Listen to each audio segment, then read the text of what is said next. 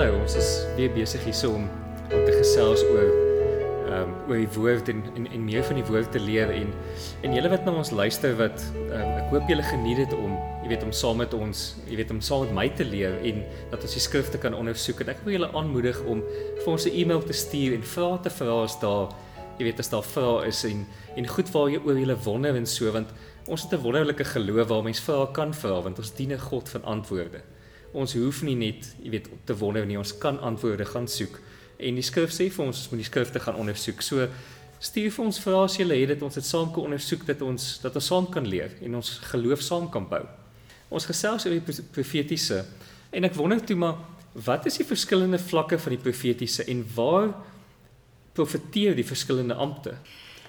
Dankie Piet. Ek moet saam met jou stem, dis 'n verrassing om te sien hoeveel mense inskakel by ons en dis so lekker om te weet dat ons deel is van 'n groter groep ook. As ons praat oor die profetiese, dan kan ons seker uh, boeke skryf daaroor. As ons kyk na die profetiese en die verskillende vlakke van die profetiese, dan kyk ons na wat die woord vir ons sê in 1 Korintiërs 15, 14, ekskuus tog vers 51 Daar praat Paulus spesifiek oor die gawe van profesie. So ek wil praat oor die gawe van profesie vanoggend en dan wil ek praat oor die die Engelse noem dit the office of the of a prophet.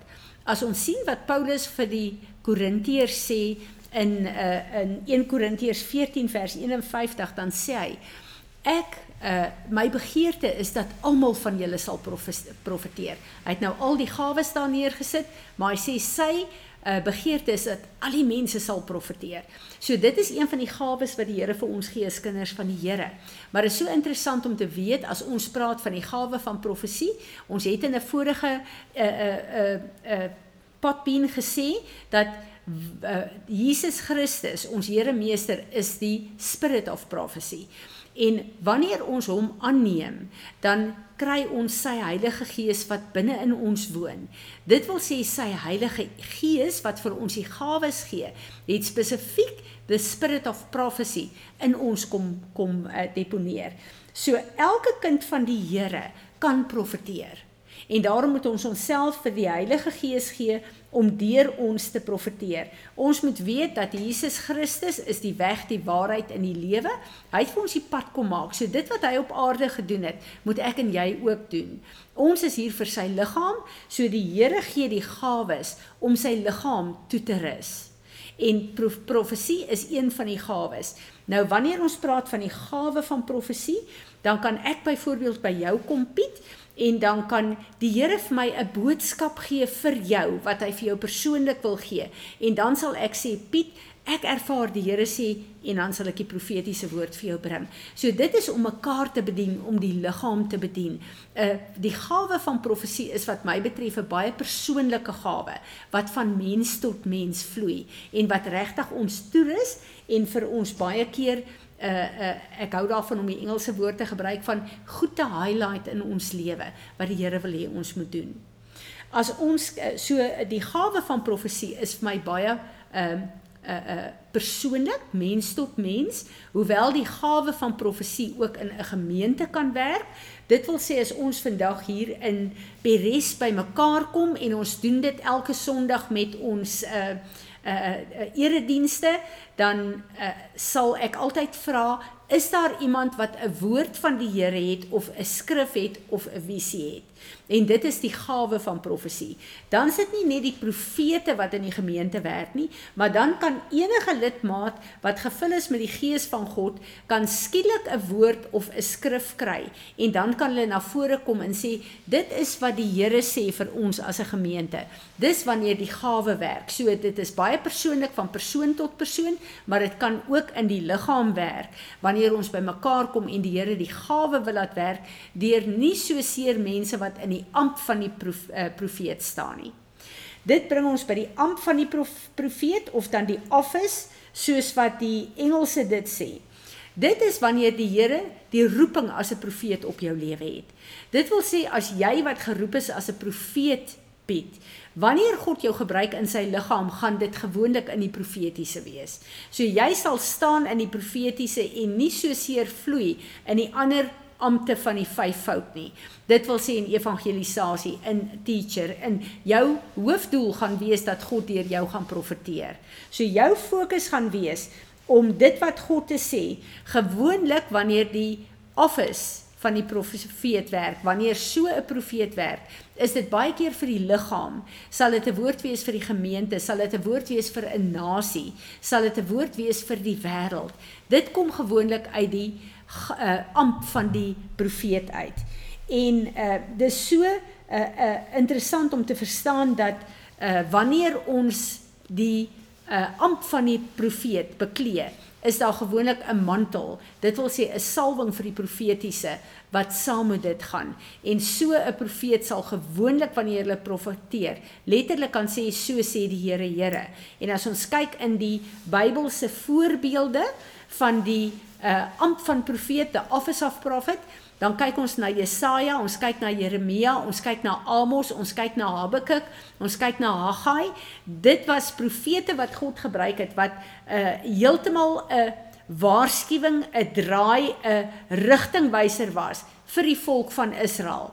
En dis interessant as ons kyk na die die krag wat hierdie uh, uh office of 'n profet wat dit dra, dan kyk ons na Jesaja en Jeremia en die ander boeke van die profete wat ingesluit is in die Ou Testament, waar God die boeke van Moses uit uit dit letterlik ingesluit in in die 'n uh, 'n uh, uh, Ou Testament, want dit was rigtingwysers nie net in Israel se tyd nie, maar vir ons vandag ook. Hoeveel keer het die Here al met jou gepraat uit die woorde wat Jesaja gesê het? Hoeveel keer het hy al uit my gepraat uit die woorde wat die Here uit Jesaja of Jeremia gesê het? So daai woord wat kom uit the office of a prophet wat vir 'n hele volk en vir die nasies daar is, is daar nie 'n tyd aangekoppel nie.